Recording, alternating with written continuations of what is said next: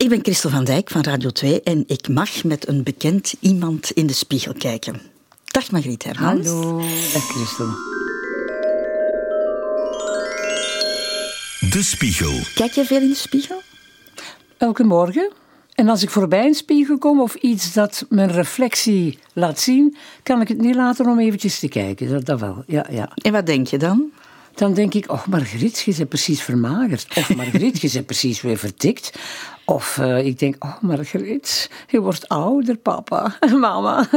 Uh, ja, er komt toch altijd wel een kleine conclusie. En soms denk ik ook van, oei, er staat een haar op mijn lip. Die moet eruit. Maar je kijkt wel streng naar jezelf dan? Ja, toch wel. Ja? Ja? Ja, ja, ja. Dat zie je als je, als je in de spiegel kijkt. Wat voor, vrouw, wat voor vrouw ontmoet je daar?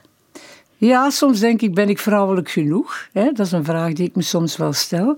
Maar ik spiegel mij dan ook eventjes aan de reactie van mijn echtgenoot. En als hij zegt van, schat, je, doet dat goed, dan is het oké. Want hij is ook heel kritisch. Hè?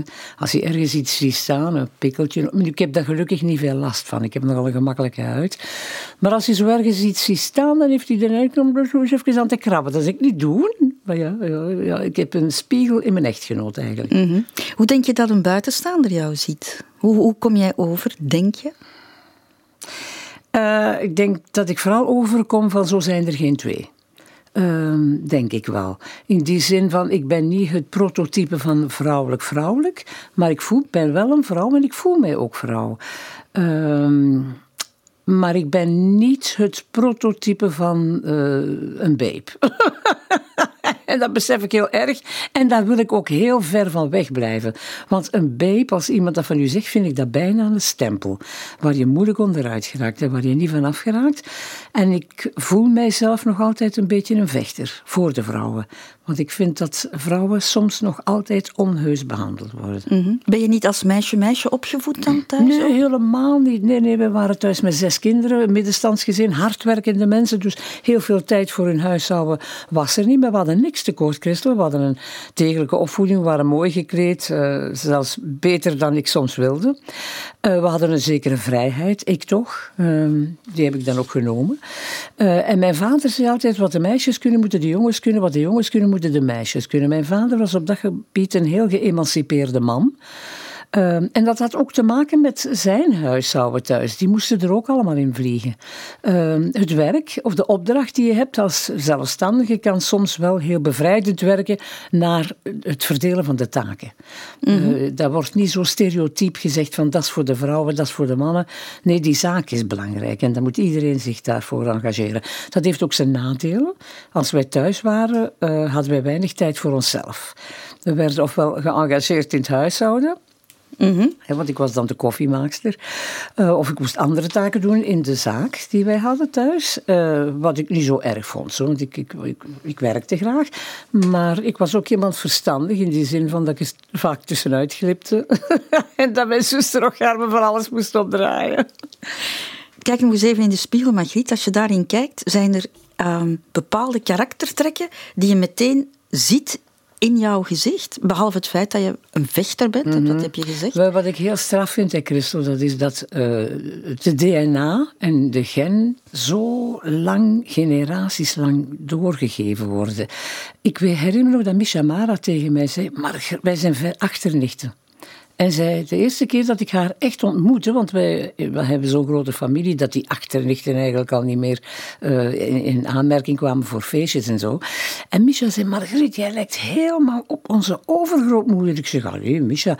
En zij liet mij daar een foto van zien en ik keek naar die foto en ik keek precies in de spiegel. Ik leek helemaal op die vrouw. Dus dan denk ik, die genetica is toch wel ongelooflijk sterk. En ik merk nu ook als ik in de spiegel kijk, dat ik, ondanks het feit dat ik nooit op mijn moeder heb geleken, dat ik nu toch trekken van mijn moeder krijg. Heel grappig. En welke? Heel grappig. Mijn ogen. Ik, had, ik heb altijd de uitdagende ogen van mijn vader gehad. En nu krijg ik de iets zachtere ogen van mijn moeder. Heel. En ook dezelfde kleur. Mijn moeder had ook bruine ogen, mijn zus heeft blauwe. Uh, maar ik merk inderdaad... En ook mijn stem het is ongelooflijk hoe met ouder worden dat ik op mijn moeder begin te gelijken. En dan denk ik, ja, kijk, moeder, bedankt. En vind je dat fijn? Ik ben, ja, Ja? ja? Mijn moeder was een heel mooie vrouw. Veel mooier dan dat ik was, maar ik heb daar niet echt bij stilgestaan. Maar mijn moeder was een heel, heel mooie vrouw, fysisch. hè. En, eh, maar ik leek daar volgens mij dus als jong meisje niet op. En ook niet... eh, mijn moeder was heel bescheiden, heel timide. kan van mij ook niet gezegd worden. Ik was heel aanwezig, maar dat had ook met mijn uiterlijk te maken. Hè. Door het feit dat ik zo dik was, was ik aanwezig, ook al wilde ik het niet. Maar dan heb ik van het, eh, ja, hoe zeg je dat, van, van het kwade maar een deugd de nood gemaakt. een, En, ja, ja. een deugd gemaakt. Ja. Ja, en dat dan maar gebruikt om, om, om een onuitwisbare indruk achter te laten, zeker, ik weet niet. Maar ik, ik ben wel een spiegelkijker, maar ja, ik, ik, ik kijk, ja, met al hetgeen wat ik in mijn leven meegemaakt heb, kijk ik dan toch in die spiegel. Ja. Zit er ook iets van jouw vader? Jawel, ik heb heel veel van mijn Maar in de spiegel ook uiterlijk? Ga minder, vind ik. Minder. Echt veel, veel minder dan vroeger. Mijn neus waarschijnlijk, maar veel minder. Vroeger was ik uitgesproken mijn vader. Als ik die foto's zag, dan dacht ik, tja, ik, ik, ik heb trekken van mijn vader, maar eigenlijk nu zie ik niet meer, geen trekken meer van mijn vader. Maar wel meer. karakter. Maar wel karakterieel. Oh ja, ja, zeker en vast. En, en, en vind je dat fijn? Want je had een, niet echt een moeilijke relatie met jouw vader, maar je, je ging toch vaak in, in gevecht, hè? Absoluut, absoluut. Wij hadden een tamelijk moeilijke relatie in die zin dat wij alle twee heel ambitieuze mensen waren en niks van iemand anders geloofden. Dus, dus hij, hij zei mij dingen, dan dacht ik bij mezelf, ja, van mensen achterop. Eh, en, hij te- en ik zei soms tegen dingen tegen hem en dan maakte hij die ook belachelijk. Dus we waren eigenlijk van hetzelfde laken een deel. Vandaar waarschijnlijk dat het ook botste. Ja, tuurlijk. Ja, absoluut. En ik zweeg ook niet. Hè. Ik kon dat niet laten. Als ik iets oneerlijks voelde of er was iets dan niet, dan dacht ik, ja, dan krijg ik misschien niet zelfs wel een draai rond mijn oren, maar ik ga dat toch zeggen. Met een draai rond de oren, dat viel wel mee, want mijn ouders hebben dat ook afgelezen. Maar die kwamen zelf, vooral mijn vader kwam uit een huishouden met toch wel heel, eh, eh, vind ik, stoute grootvader. Dat was een, een stevig karakter en die durf ook wel eens gewoon dat zijn kinderen een pak rammel geven, ook al was dat niet echt verdiend of niet echt in verhouding. Ja, die generatie vroeger, dat was toch allemaal niet zo eenvoudig. Nu zouden we daar toch niet meer aan denken om iemand, allee, ik toch niet, om iemand af te kletsen. Hè? Nee, maar zo zijn die inderdaad opgevoed. Ja. Ja. On- ons vaders. Ja. Ja. dat zit een beetje in de cultuur van een familie of van een huishouden, hè? Helaas. Je bent ondertussen al ouder dan je vader ooit geworden is, zeker? Echt wel. Mijn vader is maar 65 geworden. Met, heeft een hart, had een hartaandoening. Eh, het is te zeggen, eigenlijk zijn, zijn aders waren ook verstropt. Nu is dat allemaal operatief eh, te verhelpen voor een stuk, maar toen niet. Het was ook al te ver gevorderd. En ik vind het wel spijtig, want ik was net op, op dat moment in mijn leven dat ik met hem zo goed kon babbelen. Dat we eigenlijk eindelijk eens voelden van, eigenlijk lijken we heel erg op elkaar en kunnen we van elkaar nog deugd hebben. En dat is dan allemaal weggevallen, spijtig genoeg. In 85 is mijn vader gestorven. Dan kan je zeggen, waarom onthoud je dat zo goed? Dat was op eh, 1 februari 1985. Het was min 17 die dag. En eigenlijk is mijn openbaar leven, carrière begonnen eigenlijk maar pas de dag van, van het moment dat mijn vader gestorven is. En ik vraag me soms af, heeft dat iets met elkaar te maken? Heeft hij voor mij ruimte gemaakt? Heeft hij onbewust door zijn wegvallen mij meer kansen gegeven, zelfzekerheid? Ik weet het niet, Christel, maar het is, het is een raar fenomeen. Je hebt er wel over nagedacht dan. Ja, ja. En ik dacht, vader, dank u. Je hebt mij ruimte gegeven in mijn leven. Echt wel, ja. Heb je gewacht, denk je, om, eh, omdat je niet durfde, omdat je schrik had van Mm, Nee, zijn maar ik heb het verschil gevoeld van toen hij er niet meer was. Maar ik weet niet of ik bewust gewacht heb, want ik heb niet lang thuis gewoond. Ik ben tamelijk snel thuis weggegaan, omdat ik goed genoeg wist, mijn ouders kunnen mij niet meer aan. Och, arme. Eh, die wilden een rustige oude dag en die wilden zeker geen dochter die daarbij inwoonde en die alle dagen discussie zocht. En ruzie en weet ik veel wat. Ruzie niet echt, maar toch discussie en woorden. En ik dacht, nee, nee, nee. Ik ben, dus als ik 22 was, ben ik alleen gaan wonen. Dat was toen nog niet zo evident. Maar ik denk, ik moet dat doen, want ik moet uitvliegen. Ik moet uitvliegen en dat kan ik thuis niet. Mhm. Nog eens even in de spiegel, Margriet. Je hebt al een paar keer gezegd, ik ben geen echt meisje. Eh, eh, je hebt niet meegekregen, vind je, de, de schoonheid van, van jouw moeder. Hè? Dat klopt, dat Hè? klopt, ja. Maar ben je toch tevreden met wat je ziet? Wel, ik zal u heel eerlijk zeggen, hè. ja. Weet je, ik heb mezelf nooit lelijk gevonden, zelfs al was ik dik. Ik heb mezelf nooit lelijk gevonden, maar wel anders dan anderen. Dat geef ik toe. Ik was niet het meisje modaal en dat maakte mijn leven niet gemakkelijker. Maar achteraf beschouwd heeft dat mijn leven veel rijker gemaakt, rijper gemaakt en dieper gemaakt. Ik heb ook een zware depressie gehad die daaraan gekoppeld was. Ik heb daardoor, ben daardoor gesparteld en dan ben ik als een nieuw mens gekomen. Uiteindelijk, ik vind het zelfs een handicap als je heel mooi bent. Want je wordt meteen ehm, over een bepaalde je hoort meteen tot een bepaalde categorie van vrouwen, terwijl je dat eigenlijk niet wil. Het maakt het ook niet gemakkelijk heel mooi zijn, vind ik. Maar natuurlijk, elk meisje is blij, vooral als je jong bent, van dat je mooi bent. En dat je mhm. succes hebt bij de jongens, ook al wil je die jongens niet. Maar het feit alleen dat ze omkijken en dat ze jou aandacht geven, dat is voor een meisje wel heel Een meisje is ook gemaakt voor een stuk om, om begeerlijk te zijn en, en om aantrekkelijk te zijn voor mannen. En als je dan die, die zaken niet hebt, dan leer je dat je ook met andere zaken aantrekkelijk kan zijn. Namelijk met een goede uh, verstandhouding, met inhoud, met humor, met uh, een sportieve prestatie. Allee, er zijn zoveel dingen meer dan blond zijn en blauwe ogen hebben. Allee. Waren dat jouw troeven, uh, waardoor de mensen op jou vielen en waarom mensen jou begeerlijk vonden? Ja, ja, dat was zeker het feit ook dat ik niet iemand was die mij in een hoekje liet drummen. Oh nee, helemaal niet. Ik was een leidersfiguur. Ik, ik ook in school, ik, ik was een, een trekker. als er iets moest georganiseerd worden, ik was de eerste die er stond. Uh, ik was ook de eerste die, die commentaar had. Uh, de nonnetjes hebben het ook niet gemakkelijk gehad met mij. Dat geef ik wel eerlijk toe. Maar ik werd soms ook valselijk beschuldigd van dingen. Want ik ben iemand... Ik, ik, en dat geef ik toe, Christel. Ik ben een heel kritisch persoon. Maar ik zie dat niet als een persoonlijke aanval op mensen. Ik denk altijd, concludeer daar iets uit. Leer daar iets uit. Neem dat mee naar de toekomst toe. Als ik van iemand zeg, dat is geen goede plaats, dan vind ik dat geen goede plaats. Maar ik heb geleerd dat er soms mensen zijn die dat wel een goede plaats vinden. En dan denk ik, ja, neem gewoon mee dat ik dat geen goede plaats vind, maar dat is niet belangrijk. Want er zijn in Vlaanderen uh, eh, 6 miljoen potentiële fans of mhm. luisteraars die dat misschien wel goed vinden. Ik weet het niet. Maar ik geef het gewoon mee, omdat ik hoop dat ze daar dan iets mee zijn. Mhm. Maar waar vielen jouw partners op? Op mij al, hè? maar op wat van jou? Omdat je zegt van, ja, misschien niet mijn, mijn ah. uiterlijk? Nee, niet op mijn uiterlijk natuurlijk. Hè. Ja, hoewel mijn echtgenoot nu, die, zei, die vond mijn uiterlijk wel heel sappig en aantrekkelijk. Maar de meeste partners vielen denk ik op mijn ondernemingszin.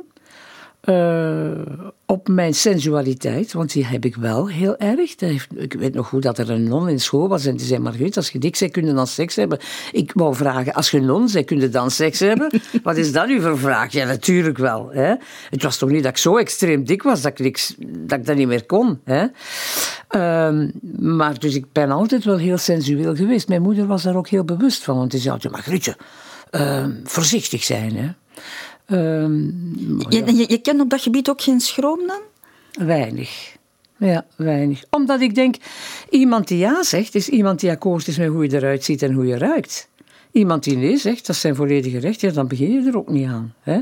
Ik bedoel, je voelt dat direct in contact, want ik zeg altijd, er is ook een zesde zintuig. Hè? Namelijk dat zintuig dat niemand kan verwoorden, maar dat er wel is. En noem het vibe, of noem het uh, een aanvoelen. Ik weet niet hoe dat je moet definiëren, maar er is een zintuig waarvan je meteen kan zeggen: die persoon, die, he's gonna like me of die like mij niet. Uh, of ik like hem of haar en zij of hij like mij mhm. niet. Je voelt dat instinctief, dat is heel raar. Ik heb dat ook heel sterk. Ik ga mezelf niet verkopen of proberen te verkopen aan iemand waarmee het niet klikt. Het moet klikken. En dat, dat klikken is iets heel raar. Hè? Dat kan je niet altijd definiëren, maar volgens mij is dat... Elke mens heeft een zesde zintuig en dat is dat. Ja. Nu, je hebt een relatie gehad met mannen, maar je hebt ook een paar keer iets gehad met, met vrouwen. Mhm. Had jij het idee dat die op een andere manier naar, naar jouw lichaam keken? Uh, ik, heb, ik weet niet of dat die naar mijn lichaam keken. Dat die keken gewoon naar mijn persoon. Ik, ik, bedoel, je kan een lichaam niet loskoppelen van een geest of van een communicatie of van wat je uitstraalt. Je bent een geheel. Hè?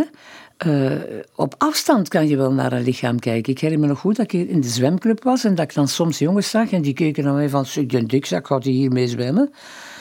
Uh, en dan dacht ik bij mijn eigen punt 1, wat, is dat voor een, wat zijn dat voor onbeschofterigen van zo openbaar uh, reactie te hebben op iemand? Dat je dat denkt tot daartoe, maar je zegt dat toch niet luid op. En punt 2, ja, dan had ik die fierheid van jongens, uh, ik ga jullie voorbij zwemmen. Hè? Eh, dat was voor mij een uitdaging. Hè? Dus, maar ik blijf en ik herhaal, een mens is niet alleen uiterlijk of een spiegel, er zit zoveel meer in. En ik denk dat dat de dingen waren waar mijn partners toch wel op vielen, of die zelfs op lange termijn zegden van oei, oei, nee dat, dat is hier voor mij niet goed. En ik, en ik ook niet altijd 100 procent. Dat was dat tof en ik was wel even heel verliefd, maar dan voelde ik op, lange termijn, op iets lange termijn van, ja, nee, dat is het toch niet. Mhm. Instinctief voelde ik dan, hier ga ik me toch niet engageren. Mhm. Mm. Je hebt een dochter, hè, Céline. Hoe heb je haar naar haar lichaam uh, leren kijken? Goh, daar heb ik het heel moeilijk mee gehad, want Céline kon haar lichaam niet aanvaarden. Uh, die had het er veel, precies nog veel moeilijker mee dan ik. Ik heb de indruk nu dat ze wat gekalmeerd is en dat ze het een beetje bij kan neerleggen. Maar zij had het heel moeilijk met het feit dat ze de neiging heeft om ook uh, zwaar of dikker te worden. Hoewel dat ik vind, je mocht een beetje mollig zijn. Als ik zie in de wereld in de dag van vandaag hoeveel meisjes... Er zijn meer mollige meisjes eigenlijk dan ideale figuurs. En jij ziet niet graag, hè? Echt magere vrouwen. Heel mager? Nee, nee, nee, nee, nee, dat hoeft niet. Er moet een beetje vlees aan zitten, vind ik. Oh, nee, nee, nee. Ik vind dat zo... Heel magere vrouw. Oh, dat stoot mij af. Daar is iets ziekelijks aan, vind ik. Ofwel eh, zijn die psychisch niet in orde, ofwel is daar uh, fysisch iets niet in orde. Nee, nee, zo uitgemergelde figuren. Mhm. En vooral niet hoe ouder dat je bent en dan heel mager zijn, dat klopt niet, hè. Dat klopt niet. Elke vrouw die, die, laat ons zeggen, tussen de 40 en de 50 is, die moet ietsje uh, vlees aankweken. Mm niet, niet, dik zijn, hè, maar iets vlees aankweken. Je bent moeder, of zelfs al ben je geen moeder. Ik bedoel, ik vind dat niet normaal van een vrouw van 60 jaar te zien die, die 47 kilo weegt. Ik, ik zie dat niet graag. Maar jouw dochter heeft het daar wel. Dat is wel, ja, dus jij, jij hebt moeten proberen om. Ja, maar dat is me niet gelukt, hè? Ze nee? Dat, nee, ze moet dat zelf doen. Dat is mij niet gelukt. Ze zei: ja, mama, jij geeft daar niet om. Ik geef daar wel om.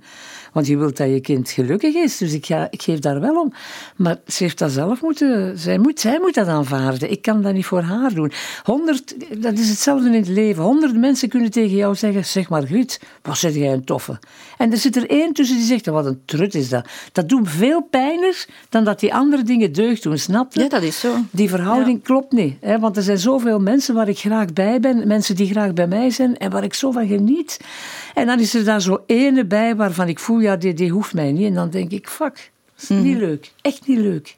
Nu, ze zit een beetje, enfin, ze, ze, volgt jouw voetsporen. Hè. Ze zit ook in, in, in, de, in de showbiz. Mhm. Misschien is de wereld op dat gebied ook nog wel harder geworden, wat, wat uiterlijkheden betreft. Je hebt die perfecte foto's op Facebook, mhm. op, op, op, op Instagram. Ik vind het eigenlijk walgelijk hoe dat die sociale media die jonge meisjes compleet verknallen. En daar blijf ik bij. Ik heb het in een tijd tegen Bert Anciot gezegd. Die was de grote voortrekker van het gemengd onderwijs. En ik heb gezegd, het gemengd onderwijs heeft voor veel individuen veel kapot gemaakt. Meisjes konden geen gewoon meisjes meer zijn. Ze moesten poppetjes worden, want je moest een vrijer hebben, je moest een vriendje hebben. Wie dat niet had, dat was abnormaal. Ofwel waren de lesbisch, ofwel waren de asociaal, of waren de autist. Ja, zo eenvoudig werden daar dan een keer uh, in een kast geduwd. Dus ik denk altijd, nou, ik ben nog naar school gegaan waar wij allemaal meisjes in de klas waren en ik was daar super gelukkig mee.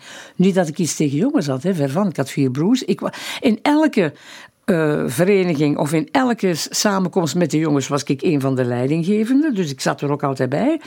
Maar ik vond dat seksuele veel te jong belangrijk worden als je jong meisjes hebt. Ik vind dat niet zo goed. Nee. Mhm. Want daar wordt alles op afgespeeld en dan komen ze later in een depressie omdat zij niet aan dat ideaalbeeld kunnen voldoen. Trouwens, niemand kan dat. Wat de media ons voorhouden, dat, dat beantwoordt misschien aan, aan 10% van de meisjes. En, en, en ook voor de jongens is dat zo. Hè? Je moet niet allemaal gaan bodybuilding doen en weet ik veel wat. Dat, doen. Mm. En eh, nu ook met dat tatoeëren. Wie geen tatoeage heeft, nou, die hoort er niet bij. Dan denk ik, ja jongens, kom man, hoe gaat het eruit zien als je 60 jaar bent en je zit dan met zo'n leeuw op je borst. Mm. Hallo, die leeuw zal wel proberen dat olletje te trekken, denk ik. maar verouderen mag ook niet meer, hè? Nee, dat kunnen ze ook niet verdragen. En dat is e-, e-, een van de zaken waar ik op dit moment voor pleit Uh, verouderen mag niet, hè, want je moet dan botoxen en weet ik veel wat spuiten. Dan denk ik, allee man, come on. Laat dat toch eens een klein beetje de natuur zijn gaan. Je moet je wel verzorgen. Ik vind, uh, je bent je lichaam dat verschuldigd, dat, dat je je lichaam moet verzorgen. Je lichaam geeft soms signalen uh, van doe dit, doe dat. Ga daar niet aan voorbij. Maar je mocht geen valse signalen geven aan je lichaam. Als je rimpels krijgt, moet je op een natuurlijke manier proberen dat een klein beetje soepel te versoepelen. Maar spuit daar toch niet direct botox, dat is puur commerce. Als ik zie hoe die een hoeibergs van zijn oren maakt tegen vrouwen, ik denk, man, ze hebben nu rijk gemaakt. Hoe durf je dat eigenlijk allemaal? Hoe, hoe ga je zelf om met dat ouder worden? Is dat een, iets dat je makkelijk kan aanvaarden? Ja, uiterlijk wel. Maar het, enige wat ik het heel moeilijk mee heb, is dat ik fysisch niet meer zoveel kan. Dat ik... Uh, ja, ik was vroeger een leeuw. Hè. Ik ben eigenlijk wel een vis van sterrenbeeld. Maar ik was een leeuw. Ik, ik kon alles. Ik kon de dakgoot propen. Ja, dat kan ik nu nog wel. Maar op een ladder kruipen, in een boom, een stuk wegzagen, iets oprapen dat, fysisch voel ik dat ik die kracht niet meer heb van vroeger. Ik word ook onzekerder. Als ik geen goede schoenen aan heb, dan zal ik veel gemakkelijker mijn evenwicht verliezen en zo. Ehm, en dat vind ik wel erg. Dat je die souplesse van de jeugd, die verdwijnt. Je, mhm. wordt, uh, je wordt stijver. En dat heeft altijd niet met conditie te maken, maar het is gewoon zo. Ja. Ik, ik heb dat als ik mensen zo, ja, kinderen zie, zie touw springen. Of, oh, of komt dan denk ik, ja. Dat konden wij allemaal en we, we beseften dat niet. Je vond dat allemaal normaal? Je vond dat normaal. Je lichaam deed wat je wou. Dat is... Nu is voor mij een stukje lopen een opdracht. Maar als ik die jonge mensen zie crossen achter een bal of gewoon nog maar zo zie, dan denk ik, oh heerlijk, dat, dat, dat, mis ik wel. Of op je hurkje zitten. De dynamiek van de... Oh, ja, maar dat was ook. Ik had vroeger groene vingers, maar als ik nu een kwartier in de tuin heb gewerkt, dan, oh, dat doet mijn gatskaken zeer. Omdat ik, moet, omdat ik op mijn hurken moet gaan. Oh, maar je jongens toch. Ja, nee, het is niet hetzelfde. Ik durf zelfs nu een klein bankje meenemen, dat ik even zit en dat ik er al zittend eh, in de tuin werk. Vind je dat je zorgzaam genoeg omgesprongen bent met je lichaam? Uh, nee. nee, dat heb ik niet. Ik heb van mijn lichaam altijd het uiterste verlangd. En van mezelf in totaal ook. Dus ik ben eigenlijk wel een beetje. Maar dat denkt als jonge mensen niet aan. Ik heb, ik, ik, ik heb ook een beetje een schouderkwaal. En dat komt nog altijd van de volleybal. Ik was aanvaller. Uh, dus ik, ik, ik, ik, was smasher. En ook in het zwemmen, ik crawl, ik was uh, heel goed. Ah, ik dacht dat je vlinders lag. Dat ook, ook, maar crawl ook. En dan belast je toch wel elk, elke keer die schouders. En vooral, dat, dat is niet zo van aan het liggen. Omdat je daar gaat overpresteren. En daarom dat ik altijd zeg, die Olympische Spelen, oké. maar daar zit heel veel pijn en verdriet in. Maar die weten dat nog niet. Hè. Maar dat zijn wrakken. Hè. Als die 50 jaar zijn, zijn dat wrakken. Hè. Want die hebben te veel van hun lichaam gewerkt. En soms, met kleine momenten, heb ik dat ook gedaan. Ja. Zou je het anders doen? Nee. Nee. want dat is eigen aan uw temperament, aan de situatie, aan de... Maar ja, soms denk ik wel als jonge mens, doe dat toch niet. Ik weet nog goed, ik, ik dook in een zwembad en ik, viel, ik botste met mijn kin op de bodem, omdat dat zwembad niet diep genoeg was. Ik heb geluk gehad, want ik had voor hetzelfde verlamd kunnen zijn. Maar ik zwom, ik dook in dat zwembad en ik kreeg een klik en oh, dat is zeer in mijn nek. En ik ging daar nu over, ik ging maar door, maar achteraf heeft dat dus wel een kleine vorm van verkalking veroorzaakt mhm. in, mijn, in mijn nek. Uh, dus dat is de, de onvoorzichtigheid van jong zijn eigenlijk, de dwaasheid van jong zijn. Maar ja, kijk, zou ik dat anders doen? Waarschijnlijk niet. Mhm. Nee. Krijg jij graag complimenten? Uh, Over je uiterlijk heb ik het dan, hè? Onbelangrijk. Voor mij totaal onbelangrijk. Erg, hè, Christel? Iemand zegt van, Margriet, je ziet er goed uit. Dan zeg ik, ja, je moet dat niet zeggen, ik zie dat ook. En soms zeg ik, oh Margriet, je ziet er niet uit. Je hebt zakken onder ogen, je bent moe en ik zie dat zelf ook. Maar ik lig daar niet echt van wakker, van complimenten van mijn uiterlijk. Nee, nee, nee. nee. Ik heb liever dat ze dan vragen, Margriet, wat denk jij van dat? Of ehm, dat is mijn oordeel van iets, dat, dat vind ik belangrijker. Wat ben je daarmee bezig, hoe, wat je aan hebt? Uh... Nee, ik vind, je moet je lichaam respecteren. Je moet aandoen waar je goed in voelt. En dat er en netjes zijn en proper, want dat vind ik heel belangrijk. Hygiënisch zijn. Dat heb je van thuis ook meegekregen. Dat heb ik ook meegekregen. Lichaamshygiëne oh, ja. was, was uh, heel belangrijk. belangrijk. Ja, ja, ook mijn vader, hè, die vond dat super belangrijk. Hè, dat je geen vet haar had, dat je netjes waart, proper waart, lekker ruiken. Nogthans rook je niet. Maar dan vroeg aan mij, riekt dat lekker? Ik moest dat voor hem dan besnuffelen. Maar dat, dat vonden ze bij ons thuis heel, heel, heel belangrijk. Vooral ook mijn vader zei, maar wij hebben een voedingszaak. Dan moet het er piepkeurig uitzien. Uh, hoe je eruit ziet, is voor mij niet belangrijk. Het moet netjes, keurig en verzorgd zijn. Hij had er ook bijvoorbeeld iets tegen dat wij met lang haar los in de winkel kwamen. Hij zei, dat betaalt niet. In een staartje of een mutsje opzetten. Maar jongens toch, maar hij had misschien wel gelijk. Mm, proper dus, maar jij staat niet zo ochtends voor jouw kleerkast, wat ga ik aandoen? Nochtans, je hebt, een, je hebt een, ah, toch, want je hebt een man die daar toch wel mee bezig is. Ja, ja, daarom. Ik zie dan, Frank zegt dan, zeg, je gaat dat toch niet aandoen, hè? je moet naar daar. En dan denk ik, ja, ik heb eigenlijk wel gelijk. Uh, maar dat neemt niet weg dat ik ook wel zoek naar de juiste kleurencombinatie. Uh, maar ik draag meestal altijd lange broek, sinds mijn 16 jaar al. Uh, en ik hou van kleuren. Maar dan moeten die kleuren wel matchen enzovoort. En ik voel mij daar ook goed mee met mijn kleuren. Dus ik voel mij in bepaalde kledij heel, heel goed. Uh, met nylonkousen ben ik doodongelukkig. Waarom dat, dat is, dat weet ik niet. Want soms kan dat ook wel leuk, zo onder, onder een jurk, zo uh, bepaalde kousen.